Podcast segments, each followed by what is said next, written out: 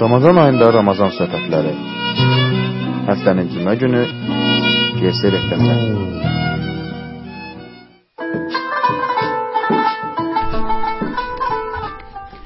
Salam, hər vaxtınız xeyir olsun əziz dostlar. Hicri qəməri tarixlə artıq Ramazan ayının 11-ci gününü yaşayırıq.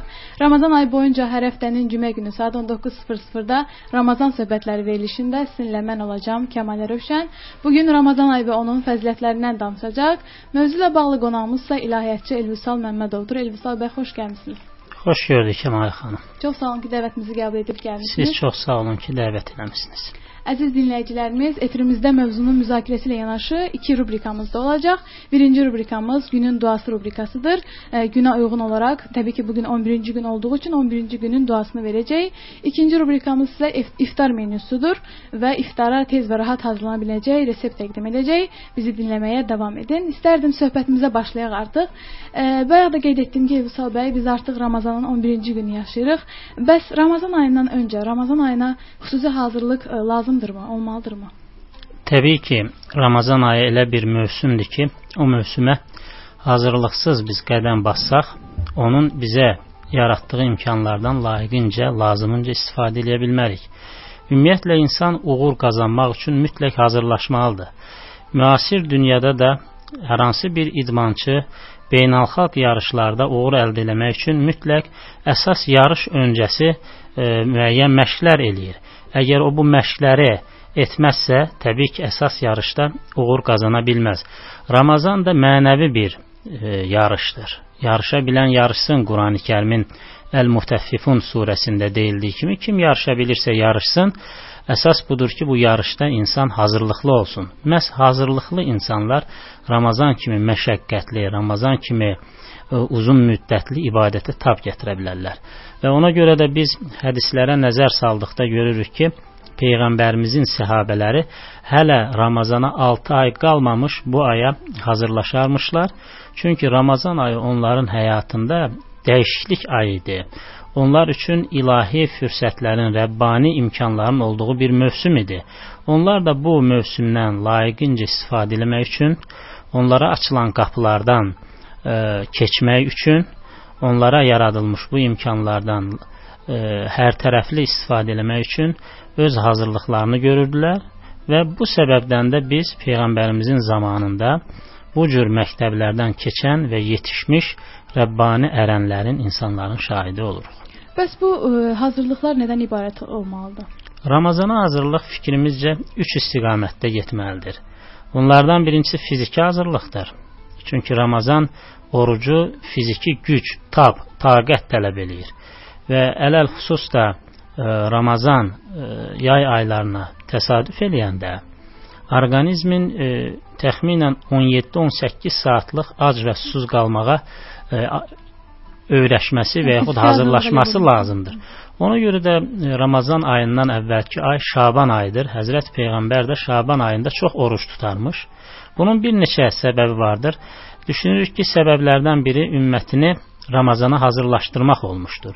Məhz biz bir neçə günlük, bir neçə gün Ramazandan qabaq oruç tutmaqla Ramazan ayının orucuna fiziki cəhətdən hazır oluruq və ya orqanizmin nə qədər ac və susuz qalmağa tab gətirəcəyi məlum olur. Bu fiziki cəhətdən hazırlaşmaqdır. Bir növ orqanizmi öyrəşdiririk. Bəli, orqanizmi öyrəşdiririk. İkinci istiqaməti isə psixoloji, mənəvi cəhətdən hazırlaşmağı ehtiva eləyir ki, bu da nə deməkdir? Hər birimiz Ramazana mənəvi cəhətdən hazır olmalıyıq. Bunun üçün ilk növbədə biz e, niyyətimizi təzələməliyik. Ramazana tövbə edərək paklanmış, təmizlənmiş qəlblə qədəm basmalıyıq. Yəni bir sözlə biz mövsümə girdiyimizdə o mövsümün bizdə yaratdığı ab-hava qəlbimizin təmizliyi ilə birləşərək daha da çoxalsın, daha da bizim üzərimizdə təsirə malik olsun. Bu amma insan Ramazana əvvəlki günahlarından tövbə etmədən qədəm basarsa, Qəlb də elə bir şeydir ki, təmizdirsə Ramazanın o mənəvi ab-havasını bədənin ciyərlərinə çəkəcəkdir. Yox əgər təmiz deyildirsə, Ramazan sadəcə onun üçün e, adi bir ay olaraq qalacaq və biz Ramazanı mənəvi cəhətdən deyil, bioloji cəhətdən yaşamış olacağıq. Aydındır. Bəs e, Ramazan ayı hansı fürsətləri verir? Ramazan ayının bizim üçün verdiyi fürsətlər çoxdur. Hər şeydən qabaq Ramazan təmizlənmək üçün bir fürsətdir. 11 ay ərzində insan hansı günahları etməyib ki? İnsan dünyada onu azdıracaq nə qədər günah vardırsa, hər birinin e, pəncəsinə və yaxud hər birinin girdabına düşmüşdür. Elə etmək lazımdır ki, e, Ramazanın bizim üçün e, qarşımıza açdığı o fürsətlərdən istifadə edərək təmizlənə bilək. Həzrət Peyğəmbər bununla bağlı deyirdi ki, e, Ramazanın xeyrindən ancaq məhrum olanlar uzaq qalar. Ramazandan ancaq bədbəxt insanlar təmizlənmədən çıxar. Bu baxımdan Ramazan bizim üçün mənəvi cəhətdən paklanmaq ayıdır və bu fürsət bizim qarşımızda açılmışdır. Bu məsələnin bir tərəfidir. Ramazan həm də bizim üçün e, mənəvi azuqə toplama ayıdır. Çünki Ramazan orucunun əsas hikməti insanın təqva məqamına çatdırmaqdır. Yəni bir təqva məqamı nədir? Təqva məqamı mənəvi həyatın və iman həyatının müəyyən mərtəbəsidir ki, insan öz əməlləri ilə, nəfsini tərbiyə etməklə, nəfsini hesaba çəkməklə o mərhələyə çatanda həqiqətən də fərqli bir aləmin şahidi olur. Daxilində fərqli şeylər hiss eləyə bilir. Bu gizli mistik bir aləm deyil, bu real, praktik bir aləmdir. Sadəcə o mərhələyə çatmaq lazımdır. Məhz biz Ramazan ayından e, istifadə eləyərək, onun bizim üçün yaratdığı imkanlardan istifadə eləyərək təqva məqamına yüksələ bilərik. Ən yaxşı təq azuqə təqvadır Qurani Kərimdə deyildiyi kimi. İnsan da bu dünyada müsafirdir. Müsafir bir yerdən digər yerə gedərkən yükünü bağlayar, sonra müəyyən hazırlıq görər ki, mənzil başına asanlıqla çata bilsin. Əgər yükünü bağlamazsa yolda yeməyi lazımdır, içməyi lazımdır. Bunlar yoxdursa, təbii ki, səfərdə əziyyət çəkəcəkdir. Biz də bu dünyada müsafirik. Bizim də ən yaxşı azuqəmiz, ən yaxşı yükümüz təqva olmalıdır. Çünki hər an yola çıxa bilərik. Heç kim e, insan oğlunun nə vaxt öləcəyini dəqiq deyə bilməz, amma əcəlin xüsusiyyətlərindən biri də budur ki, o sağlam, xəstə, qoca, cavan e, demədən hər kəsin qapısını döyə bilir. E, həm də e, əcəl e, başqa qonaqlardan fərqlənir. O qapını çöldən yox, içəriyə girdikdən sonra döyür. Yəni səndən icazə istəmir. Və bir də görürsən ki, başının üstünü əcəl kəstirmişdir. Əgər azuqən vardırsa, nə yaxşı, yox azuqən yoxdursa, Qurani Kərimin də dediyi kimi əlimizi dizimizə vurub kaş dünyaya qaydardıq və yaxud kaş torpaq olardıq deyəcəyik. Siz təqvadan danışdınız, danışdınız, Ramazan ayının paklaşdırılmasından danışdınız. Bəzən Ramazan ayını rəhmət ayı da adlandırırlar. Bəs rəhmət ayı adlandırılmasının əsas səbəbi nədir? Rəhmət ayı ona görədir ki, Ramazan ayının özünə məxsus xüsusiyyətləri vardır. Məsələn, Ramazan ayı digər aylardan fərqli olaraq burada insanı yalnız iki düşmənindən biri ilə baş-başa buraxır. İnsanın əsas iki düşməni vardır, nəfsi və şeytan. Və hətta mən deyərdim ki, nəfs imkan verməzsə, şeytan da insanı tovlaya bilməz, ona vəsvəsə verə bilməz. Və əsas ə, e, rəqiblərdən birini Ramazan ə, e, sıradan çıxarır. Yəni peyğəmbərimiz deyir ki, Ramazan ayı gəldikdə cənnətin qapıları açılar, cəhənnəmin qapıları bağlanar, şeytanlara da qandal vurular. Yəni burada qandal vurular obrazlı bir şeydir. Şeytan maddi bir şey deyil ki, ona qandal vurulsun. Sadəcə olaraq peyğəmbər şeytanla, şeytanların insanlardan uzaqlaşdırılmasını bu cür obrazlı ifadə ilə bizə çatdırmışdır və ona görə də insan tək bir rəqibi ilə, nəfsi ilə baş-başa qalar. Nəfsinə gəlincə isə nəfsin əsas qidası yeməkdir, içməkdir, şəhvətdir. Ramazan orucu da bizə nəyi deyir? Yeməkdən, içməkdən, şəhvətdən uzaq olun. Deməli biz əsas rəqibimizi də qidasız buraxmış oluruq. Və bu baxımdan Ramazan bizim üçün rəhmətdir. Bu məsələnin bir tərəfi. İkinci tərəfi ondan ibarətdir ki, Allah Taala bu ayda hədislərdə də deyildiyi kimi, e, hər gün insanları cəhənnəmdən xilas eləyir bu rəhmət olmayıb nədir? Hesaba çəkmədən, hansı günahlarının olub olmadığına fikir vermədən insanları cənnətdən, cəhənnəmdən xilas eləyir. Bu Allah Taala'nın rəhmətidir. Bununla yanaşı Ramazan ayında insanların savabları 1-ə 10 qat artır.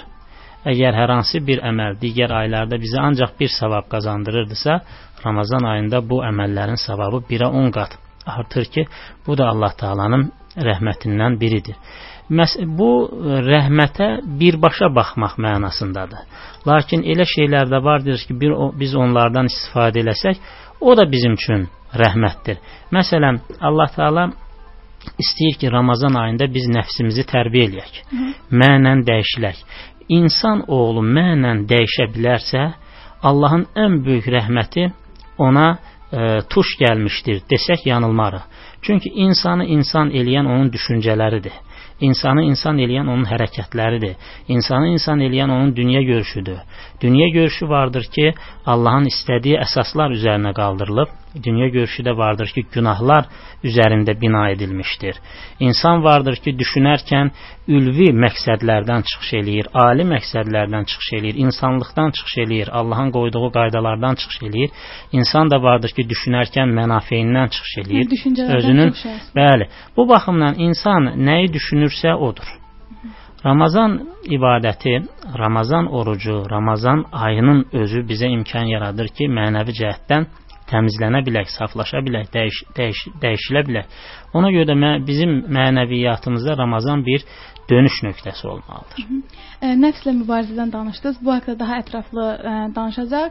İstərdim indi rubrikamız var, günün duası rubrikası. Onu dinləyək. Ə, e, əziz dinləyicilərimiz, Ramazan ayı və onun fəzilətlərindən danışırıq. Ə, mövzu ilə bağlı qonağımız da ilahiyyatçı Elvüsal Məmmədovdur.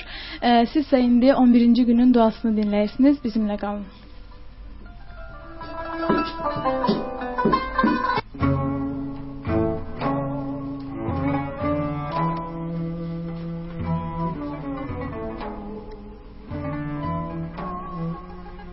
İlahi, bugün ehsan etməyi mənə sevdir. Bugün fisk və asilikdən məni ikrah etdir. Bugün öz qəzəbini və cəhənnəm atəşini məndən uzaqlaşdır. Yardımına ant verirəm, ey fəryad edənlərin dadına çatan.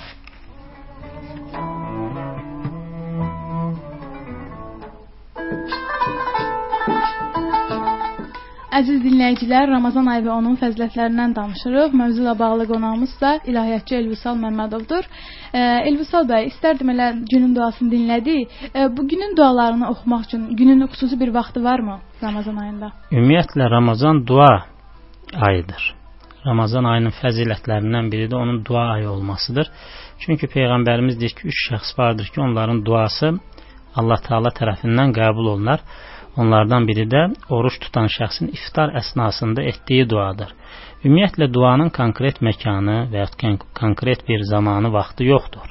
Düzdür, Allah Taala zaman müəyyən zaman kəsimlərini bizə əta etmişdir ki, həmin zaman kəsimlərində dua etsək daha çox qəbul olunma ehtimalı vardır. Bəzən sübh namazı vaxtı da sübh çağı dua edəndə də qəbul. Bəli, bax gecənin son 3də biri, hər vacib namazlardan sonra edilən dua, dualar, bununla yanaşı cümə namazı cümə günü edilən ə, dua, ə, sonra ə, oruç tutan şəxsin bayaq dediyimiz kimi iftar əsnasında etdiyi dua, ə, bütün bununla və yaxud azanla iqamə arasında olan dualar, bütün və yaxud zülmün olduğu yerdə edilən dualar tez qəbul olunar və Peyğəmbərimiz dedi ki, üç şəxsin duası vardır ki, onlar Allah Taala tərəfindən qəbul olunur və ədalətli ə, hökmdarın duası, sonra məzlumun duası və nəhayət oruç tutan şəxsin iftar əsnasında etdiyi dua. Və təbii ki, hər zaman dua etməliyik. Hər bir yerdə dua etməliyik. Lakin duanın da özünə məxsus ədəb ərkanı, qaydaları vardır ki, yaxşı olar ki, dua üçün sakit məkan seçilsin və yaxud duaya biz başlayarkən əvvəlcə Allah Taala'nın adını çəkək, ona şükür eləyək, ona həmsəna edək, bundan sonra peyğəmbərimizə xeyir dua və salam söyləyək, yəni salavat söyləyək. Daha sonra isə özümüz üçün dua eləyək. Duaya birbaşa öz istəklərimizlə başlamayaq. E, giriş olaraq bayaq dediyim kimi Allaha tərif, peyğəmbərə salavat və nəhayət bundan sonra özümüz üçün nəsə istəyə bilərik. Ramazan dua ayıdır. bundan istifadə eləmək lazımdır. Dəyişilməyimiz üçün dua etmək lazımdır. Günahlarımız üçün dua etmək lazımdır. Günahlarımızın bağışlanması üçün dua etmək lazımdır. Müsəlman dünyası üçün dua etmək lazımdır. Uzaq Myanmadan tutmuş Suriyaya qədər və yaxud digər müsəlman ölkələrində axan qanların dayanması üçün dua etməliyik. Çünki e, peyğəmbərimiz də deyir ki, müsəlmanlar e, bir bədən kimidirlər bu bədən əzalarından biri e, deməli xəstələnərsə, ağrıyarsa, digər əzalar da yuxusuzluq və qızdırma içərisində olar. Yəni uz, e, dünyanın hər hansı bir yerdə bir müsəlmana zülmün edildiyini biz eşitdikdə, şahid olduqda ən azından içimizdən bir sızıltı keçməlidir. Çünki o da bizimlə eyni dini, eyni inancı bölüşür. Allah Taala onunla bizi qardaş etmişdir. Dua, dualarımızda müsəlman dünyasını unutmamalıyıq, öz ölkəmizi unutmamalıyıq. Əmin-amanlığın davam etməsi üçün Allah talaya əl açmalıyıq və bir sözlə Ramazan dua ayı olaraq e, bizdə e, bizim üçün e, bir sözlə Ramazan dua ayı olaraq bizim üçün bir fürsətdir. Və ona görə də bizim öhdəmizə düşən dua etməkdir. Çünki Peyğəmbərimiz deyir ki, dua ibadətin özüdür. Yəni duasız e, insan təsəvvür eləmək mü mümkün deyildir. Bir sürü həmçinin dua inanan insanların silahıdır. İnanan insanlar səmimiyyətlə, inanaraq dua etdiklərində həqiqətən də Allah Taala'nın köməyini, Allah Taala'nın e, dada çatmasının şahidi olurlar. E, digər aylarda edilən dualarla Ramazanda edilən dua və istəklər arasında fərq varmı? Yəni qəbul o tez qəbul olunmasında. Təbii ki, e, ümumiyyətlə duanın qəbul olunmasının şərtləri vardır. Adam vardır ki, Ramazanda iftar zamanı e, dua eləyər, amma e, qəlbləri bilən Allahdır. Bunun niyyətindən asıl olaraq, mənavi və fikrindən asıl olaraq, istədiyi şeydən asıl olaraq mümkündür ki, vaxt Allah onun duasını qəbul eləməsin. İnsan da vardır ki, adi ayda dua eləyir, amma o qədər səmimiyyətlə, işdən gələn duyğu ilə dua edə bilər ki, Allah Taala onun e, duasını qəbul edir. Amma peyğəmbərimiz bizə deyib də, iftar zamanı edilən dua əsla geri qayıtmaz. Ona görə də Ramazan ayında səmimiyyətlə, inanaraq, yalnız Allahdan istəyərək dua etməliyik və özü də münasib şeyləri dua etməliyik. Dinə uyğun olmayan şeyləri dua etmək doğru deyildir. Haram şeyləri istəmək doğru deyildir. Kiməsə pislik etməyi duada istəmək Allahdan doğru deyildir vurğuladınız ki, duaları qəlbdən eləmək daha yaxşıdır. Yəni qəlbdən gəlirsə daha yaxşıdır. İstərdim bayaq ə, qaydaq yenə nəfslə mübarizəyə. Hı -hı. Ə, niyə məhz Ramazan ayında ac qalmaq nəfslə mübarizə üçün mühüm amillərdəndir? Nəfs həqiqətən də doya bilməyən, hey acgözlük edən bir qüvvədir. Nəfsə nəyi istəsən versəniz də o heç vaxt doymayacaqdır. Sədi Şirazinin gözəl bir sözü var ki, istənilən düşmənə hədiyyə versən, istədiyini versən, o səninlə dost olar. Lakin nəfs yeganə dostdur ki, ona istədiyini verəndə düşmən olur. Yəni nəfsə nəyi də versən doymaz. Nəfsin iştahası çox böyükdür. Lakin nəfsi məğlub eləmək mümkündür. Nəfsi nə, e, hər şeydən məhrum etmək doğru bir şey deyildir ki, bu da asketizmdir, bu da İslamda onun yeri yoxdur, rahiblik yəni e, tərki dünyalıq dərvişlik, gü, güşənişinlik, dərvişlik bunun İslamda heç bir əsası yoxdur. Lakin nəfsin istəklərini çərçivədə saxlamaq lazımdır. Hər istədiyini ona verməmək lazımdır. İnsanın təbii istəkləri vardır, bir də nəfsinin istəkləri vardır. Təbii istəkləri öldürmək mümkün deyil, onda insanda psixoloji və fizioloji problemlər yarana bilər. Amma nəfsin istəklərini mütləq çərçivəyə salmaq lazımdır, çünki nəfs doymaz. Nəfs insan üzərində müəyyən təsirə sahibdir. Nəfsə elə bir iş gördürmək lazımdır ki, nəfs taqətdən düşsün. Həqiqətən də 30 günlük Ramazan orucu nəfsi taqətdən salır. Nəfs taqətdən düşərsə, onun istəkləri də azalar.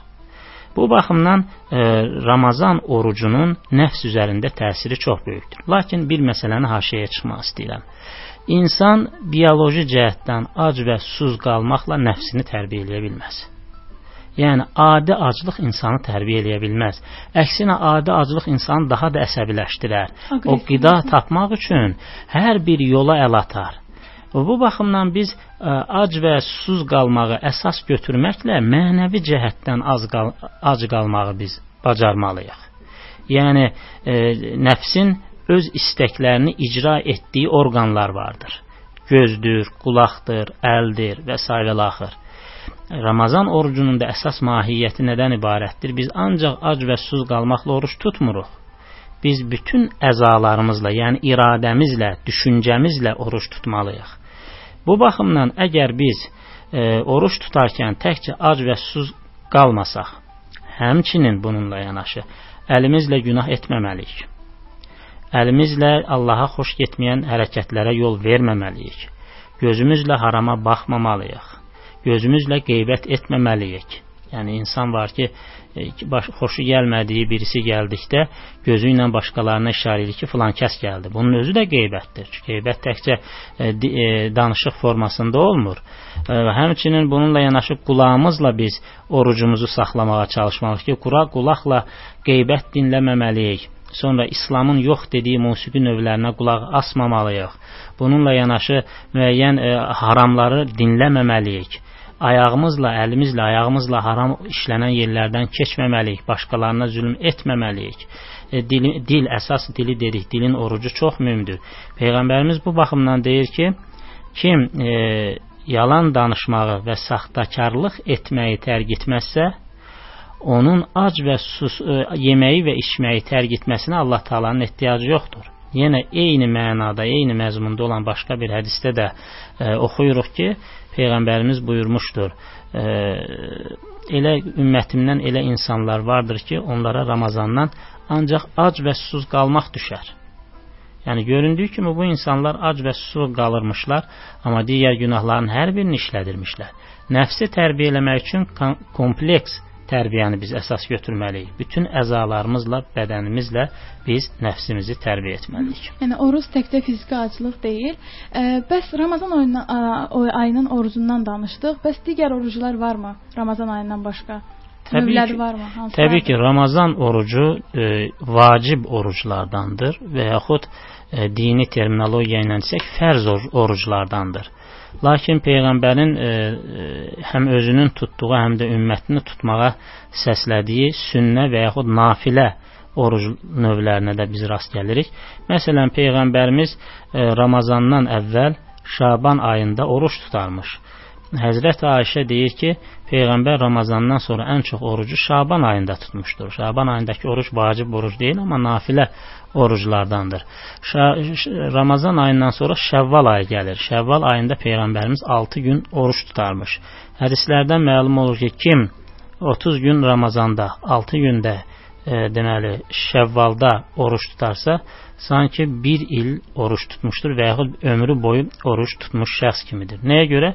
30 gün e, e, deməli 30 gün e, Ramazanın orucudur. 6 gündə Şəvvalın, ildə də 360 gün var. Yəni 36 gün oruç tutanda sanki 1 il oruç tutmuşsan. Sanki ona vurur. Hər ildə bəli, çünki 10 savabı var.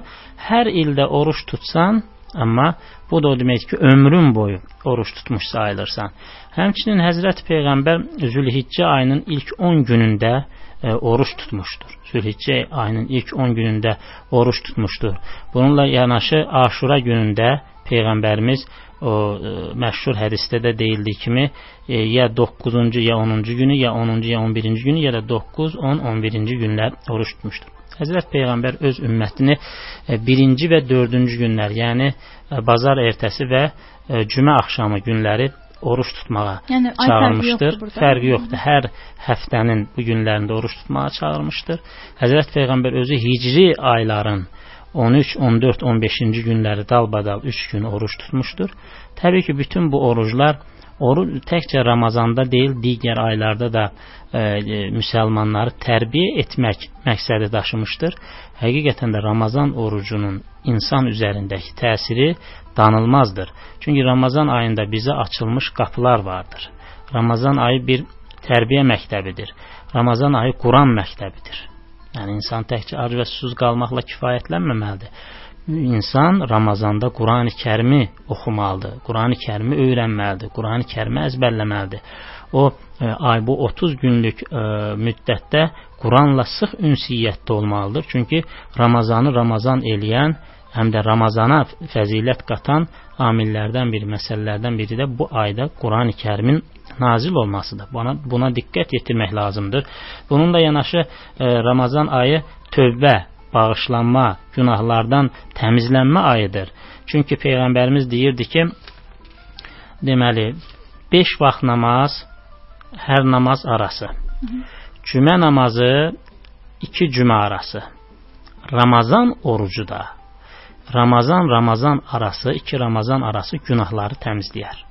Təbii ki, insan böyük günahlardan çəkinərsə, kim ki böyük günahlardan çəkinərsə, 5 vaxt namaz namazlar arası, cümə namazı 2 cümə arası, Ramazan orucu da 2 Ramazan arası günahları təmizləyər, paklayar. Bunlara diqqət yetirmək lazımdır. Həmçinin Ramazan ayının üstünlüklərindən biri budur ki, bu ay səbir ayıdır. İnsan səbir göstərməzsə, təmkin nümayiş etdirməzsə, e, 18 saatlıq bir müddətdə ac və susuz qala bilərmi? Hətta görürsən özündən gedir və yaxud mədəsində ağrılar başlayır, lakin orucunu pozmur, iradə nümayiş elətdirir, səbir nümayiş elətdirir. Peyğəmbərimiz bununla əlaqədar olaraq deyirdi ki, e, ayın orucu səbir deməkdir. Bəlkə də səbir Ramazan orucunda olduğu qədər heç bir ibadətdə bu qədər özünü bariz şəkildə nümayiş elətdirmir, göstərmir. 30 gün bir-birinin ardınca səhərdən axşama qədər az qalmaq bu bir e, iradə tələb eləyir, səbir tələb eləyir. Özü də insanlar bunu inanaraq tuturlar. Görürsən ki, e, Əgər burada bir fırıldaq olsaydı, başqalarının yanında özünü göstərərdi oruç tutan kimi, sonra xəlvətdə gelib su içərdi. Amma hətta namaz qılmayan insan belə bu ayda o hərəkəti eləmir. Görünür Ramazan ayının mübarəkliyi, sonra oruc ibadətinin insan üzərinə təsiri bizi bu cür idarə edir. Aydındır. Ramazan deyəndə insanların ağlına ilk olaraq iftar gəlir. Mən Hı -hı. istərdim imsakın önəmindən danışaq. E, nə dərəcədə önəmlidir e, o, o başdan durub yemək yemək? Hı -hı. O başdanlıq və yaxud sahur yeməyi e, peyğəmbərimizin qoyduğu bir ənənə olmuşdur. Digər dinlərdə də oruç tutmaq vardır. Amma İslam dininin oruc ibadəti digər dinlərlə müqayisədə çox bitkin, kamil və müəyyən sistemli ibadət formasıdır. E, və həmçinin xristianlığın oruc anlayışı pəhrizdən ibarətdir. Müəyyən şeyləri yeyə bilərsiniz. Və ya e, yəhudilərin orucluq anlayışı müəyyən günləri ehtiva eləyir. Lakin İslamın oruc anlayışı heç nə yeməmək, içmək şərti ilə səhərdən axşama qədər 30 günü əhatə eləyir. Peyğəmbərimiz o başdanlığa durarmış və ümmətini də buna sövq eləyərmiş və deyirmiş ki, o başdanlığa, yəni sahura qalxın, çünki sahur bizimlə əhli kitabın orucunu fərqləndirər. Ümumiyyətlə səhər tezdən durmağın fəzilətinin fəziləti çoxdur, çünki İslamda sübh çağı fəzilətli vaxtdandır. Qurani Kərimdə möminlər təsvir olunarkən onlar haqqında deyilir ki, onlar səhər çağı Allahdan bağışlanma diləyərlər. Həqiqətən də səhər tezdən oruca qalxmağın, bir tikə və ya bir e, stəkan su ilə və ya xurma ilə o başdanlıq etməyin öz mənəvi ləzzəti vardır ki, bunu ancaq onu yaşayan insanlar hiss edə bilər. Və ya ailəlikcə qalxırlar, ailəlikcə insanlar oruclarını tuturlar, ailəlikcə axşamda iftarlarını eyni süfrə ətrafında açırlar. Bunun həqiqətən də insan üzərinə mənəvi təsirini dillə demək mümkün deyildir. Bunu ancaq yaşamaqla hiss etmək və görmək mümkündür. Bəzən də olur ki, insanlar oyana bilmirlər. Belə evet. gün ərzində 17 saat tam olaraq ac qalır. 17 saatdan da çox Hı. ac qalırlar. Bəs onlar ə, yəni düzgündürmü bu səhərdə səhər durub yeməmək, ümumiyyətlə? Sahur vacib deyildir. Peyğəmbər təşviq eləmişdir. Kimsə oruç tutmaq niyyəti ilə gecə yatarsa, səhər durub görsə ki, artıq günəş çıxmışdır və yaxud imsakın vaxtı girmişdir. İmsak yəni artıq yeyib içməyi dayandır dayandırıldığı vaxtda deyilir. Həmin vaxt girmişdirsə, oruclarına davam etsinlər. Lakin yaxşı olar ki, 17-18 saat orucun davam etdiyi bir ölkədə və yaxud mövsümdə səhər tezdən orqanizm su qəbul eləsin və ya müəyyən yeməklər qəbul eləsin ki, 18 saat ərzində orqanizm tab gətirsin. Dinin əsas məqsədi insanlara zərər vurmamaqdır. Əgər oruc ibadəti, namaz ibadəti kiminsə sağlamlığına, kiminsə və yaxud ə, səhhətinə xələl gətirərsə, onlar üçün vacib deyildir. E, dinimiz istəyir ki, insanlar üçün asanlıq olsun. Çünki insan asanlıqla oruç tutduqda digər ibadətlərə də yer ayıra bilir. Təsəvvür edin ki, durub insan səhər yeyə bilməyib, ümumiyyətlə yemir, bütün günü mədəsində müəyyən qədər ağrı hiss edir. Mümkündür ki, ağrı hiss eləməsin, amma halsızlığı olsun. Quran oxuya bilmir, namazlarını düzgün qıla bilmir, zikr eləyə bilmir, halsız olur, e, halsız olur e, və yaxud Quran-ı Kərim əzbərləyə bilmir, e, insanlara dindən nəsə öyrədə bilmir. Bir sözlə ancaq ac və susuz qalır. Hə, təbii ki, Ramazan axı təkcə ac və susuz qalmaqdan, təkcə oruc ibadətindən ibarət deyildir. Ramazan həm də digər ibadətlərdən ibarətdir. Digər ibadətlər dedikdə nə? Məsələn, Qurani Kərim, sonra dualar, dua etmək, zikirlər, Peyğəmbərinin səhər və axşam etdiyi zikirlər var, və ya gündəlik təkrarladığı zikirlər var, namazlardan sonra dediyi zikirlər var, zikir etməlidir. Sonra Ramazan qohumlara baş çəkmək ayıdır. Bunun özü də ibadətdir. Buna silə-i rəhm deyirlər dində. Yəni qohumluq münasibətlərini qoruyub saxlama. Bununla yanaşı Ramazan həmçinin xeyirxahlıq və cömərtlik ayıdır. Həzrət Peyğəmbər haqqında deyirdilər ki, o Ramazan gəldikdə e, e, yel tək külək tək əl açıq olardı. Ora bura e, yəni hərəkət eləyər, qaçardı və biz e, Ramazanda yaxşılıq eləməliyik, sədaqə verməliyik, bu şeylərə diqqət yetirməliyik. Ramazan həmçinin namaz ayıdır. Biz Ramazanda namazlarımızı düzgün qılmalıyıq, e, aramla qılmalıyıq, e, tələm tələsik qılmamalıyıq.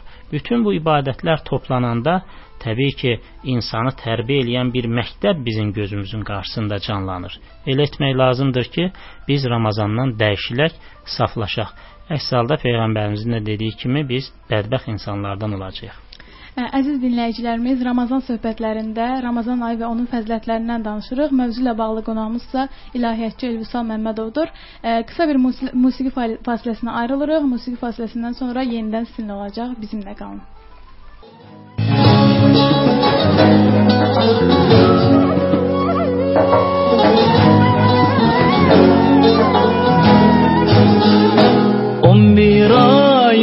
sultanı eyledi seni Allah? Bu ayda oruç tutan insanlar olar cümrah.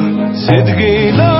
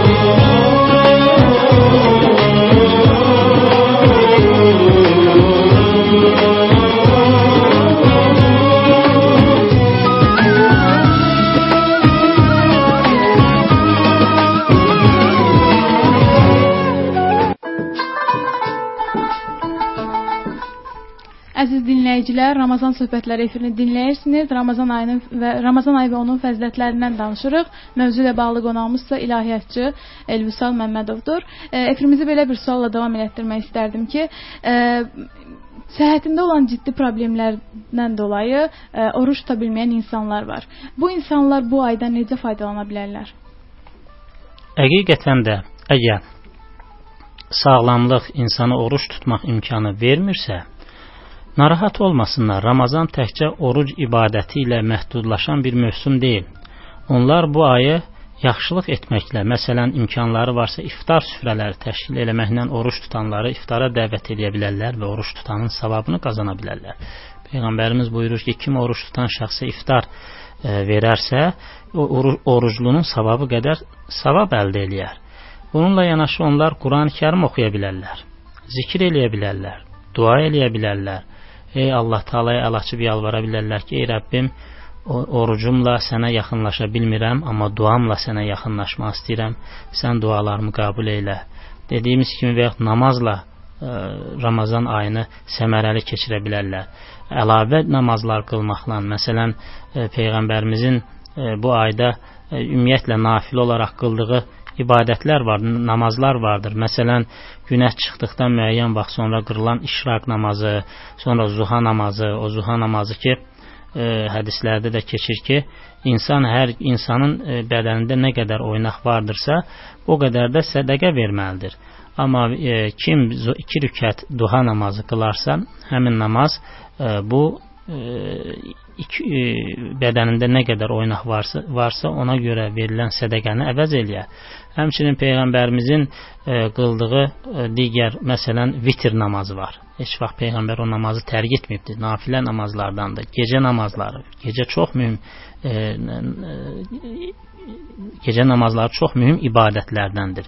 Yaxşı olar ki, gecə məsələn e, oyansın, e, dəstəmaz alsın, iki rükət namaz qılsın, Allaha yalvarsın və çünki gecə namazları çox mühümdür. Bu baxımdan kim ki səhhəti ona oruç tutmağa imkan vermir, narahat olmasın. Sadaladığımız ibadətlərlə Allah Taalaya yaxınlaşa, Allahı e, bu Ramazan mövsümünü layiqincə keçirə bilər. Hə, səhhətində problem olanlardan danışdıq. Bəs kimlərə oruç tutmaq olmaz?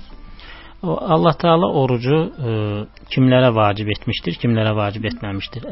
Kim ki xəstədir, yəni səhhəti imkan vermir, onlar oruç tutmaqdan uzaqdırlar səfərdə olanlar, hamilə qadınlar, sonra körpələri olub süd əmizdirən qadınlar, bunlar oruç tutmaqdan azaddırlar.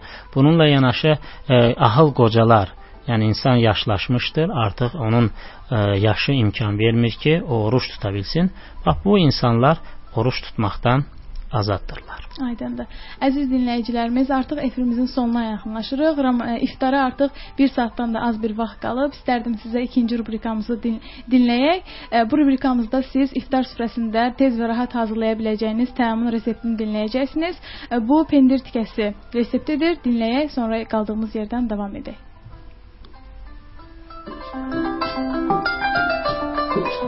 Pendir tikəsi üçün bizə lazım olanlar 750 qram pendir, 250 qram un, 90 mq zeytun yağıdır.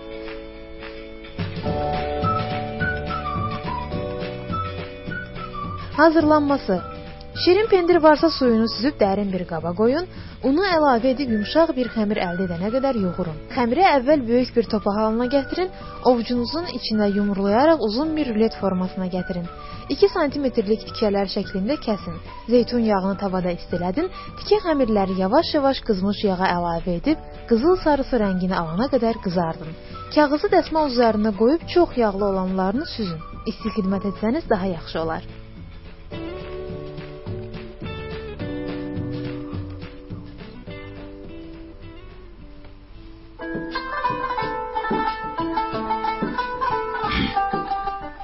Ramazan söhbətləri davam edir əziz dinləyicilər. E, istərdim belə bir e, sualla davam etdirim efirimizi. E, Quran e, Qurani-Kərim Ramazan ayında nazil olub. E, məhz buna görə də Qədir gecələri mövcuddur, əhya saxlamaq. İstərdim Qədir gecəsinin e, önəmindən danışaq. Ramazanı Ramazan eləyən üstün məziyyətlərdən biri də Qədir gecəsinin bu ayda olmasıdır. Həzrət Peyğəmbər deyir ki, kim e, Qədir gecəsinə yetişərsə, Qədir gecəsini Allaha inanaraq, savabını e, ondan umaraq, ibadətlə, namazla keçirərsə, Allah onun keçmiş günahlarını bağışlayar. Qədir gecəsi haqqında çox danışırlar, vaxtı haqqında deyirlər, amma heç kəs Qədir gecəsinin nə vaxtda təsadüf etdiyini bilmir. E, bir e, bildiyimiz e, yeganə fakt budur ki, əsas bildiyimiz şey odur ki, Qədir gecəsi son 10 günün içərisindədir. Bu bilinməzliyin müəmmanın səbəbi nədir? Səbəbi odur ki, hər bir şeydə əvvəl bir inkişaf var inkişafın kulminasiyası var, sonra sönmə vardır. Ramazana şövqlə başlayırıq. Artıq 10-15 15 gündən sonra bizdə Ramazana da Ramazanda artıq bir sönmə müşahidə olunur. Əvvəlki qədər həvəs qalmır, əvvəlki qədər ibadətlər eləmirik. Allah Taala da istəyir ki, ibadətin sonu yaxşı olsun. Çünki peyğəmbərimizin dualarının dualarının birində belə deyilir ki, Allahım sən mənim əməllərimin sonuncusunu yaxşı elə, ibadətlərimin axırını yaxşı elə. Çünki insan hər yaxşılıq eləyə bilər ömrü boyu, amma ömrünün sonunda elə səhvə, elə günaha yol verə bilər ki, həmin yaxşılıqların hamısı puç olub gedə bilər. Allah Taala istəyir ki, e, şövqlə başlayan, ortaya çatdıqda isə getdikcə susalan e, insanı, insan oğlunu e, müəyyən bir hədiyyə bəxş etməklə Ramazanın son 10 günü daha şövqlə keçirməyini təmin eləsin. Və ona görə də o 10 günün içərisində gizlədilmişdir. Əgər bir gün olsaydı, insan bütün günü və həmin bir gün ərzində çoxlu ibadətlər eləyərdi, namaz qılardı, sonra dualar eləyərdi, bununla da bitərdi. Amma Allah istəyir ki, Ramazanın son 10 gününün hər biri sanki Qədir gecəsi həmin günə təsadüf edirmiş kimi keçirilsin. Və son 10 günündə buna görə bir peyğəmbərimiz son 10 gündə etikafa çəkilərmiş. Ümumiyyətlə son 10 gündə Həzrət peyğəmbər deyir ki, e, məzərini bağlayar, ə, e, əhlini oyadar gecə ibadətlərinə və ə, e, həqiqətən son 10 günü çox daha həvəslə, daha şövqlə keçirərdi. Bu ona görədir ki, Ramazanın son 10 günü qalmışdır, artıq əlimizdən çıxır gedir. Bəlkə bilmirik növbəti Ramazana yetişəcəyik ya yetişməyəcəyik. Artıq əlimizdən çıxıb getməkdə olan bu fürsətdən daha çox istifadə eləyək deyə Allah Taala Qədir gecəsini son 10 gün içərisinə daxil etmişdir. Gizli saxlamağın əsas məqsədi də budur ki, insan oğlu hər gün Qədir gecəsinə yetişmək ümidi ilə daha çox ibadət eləsin, gecələri ibadətlə keçirsin, zikirlə keçirsin, Quranla keçirsin və beləliklə Ramazanın son 10 günü onun üçün səmərəli olsun. Qədir gecələrində xüsusi əməllər varmı? Xeyr, xüsusi əməllər yoxdur. Bu gecədə yaxşı olar ki, insan namazlar qılsın.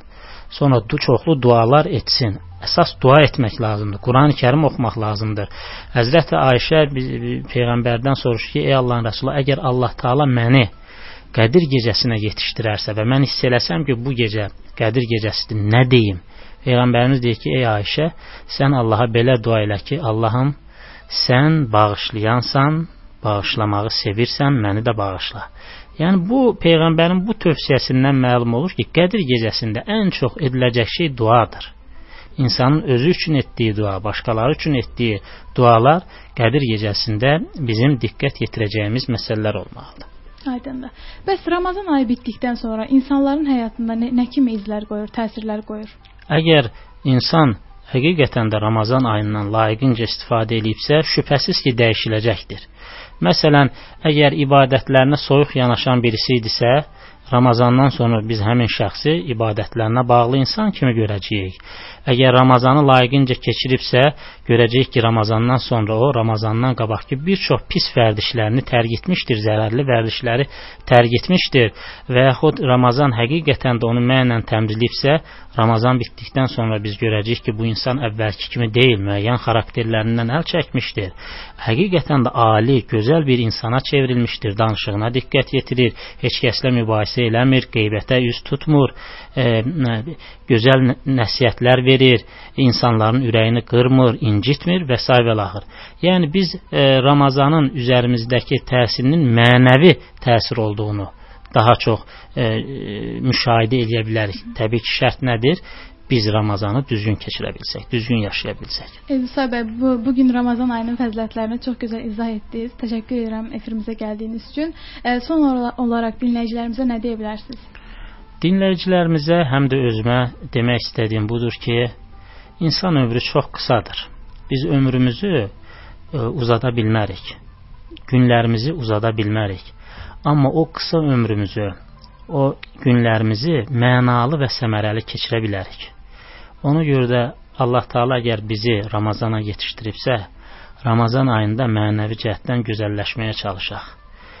İradəmizi ir iradəmizi möhkəmləndirək. Pis vərdişlərimizdən əl çəkək, mənən saflaşaq, dəyişilək, tam başqa bir insan olaq. E, özümüzü nəzərdən keçirək, mənfi xüsusiyyətlərimizdən əl çəkək, müsbət məziyyətlərimizi inkişaf elətdirək.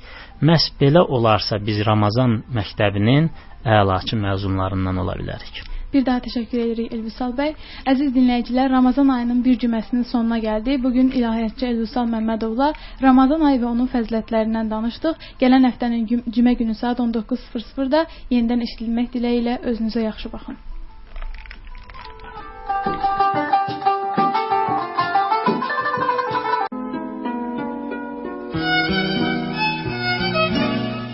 Ramazan ayında Ramazan söhbətləri.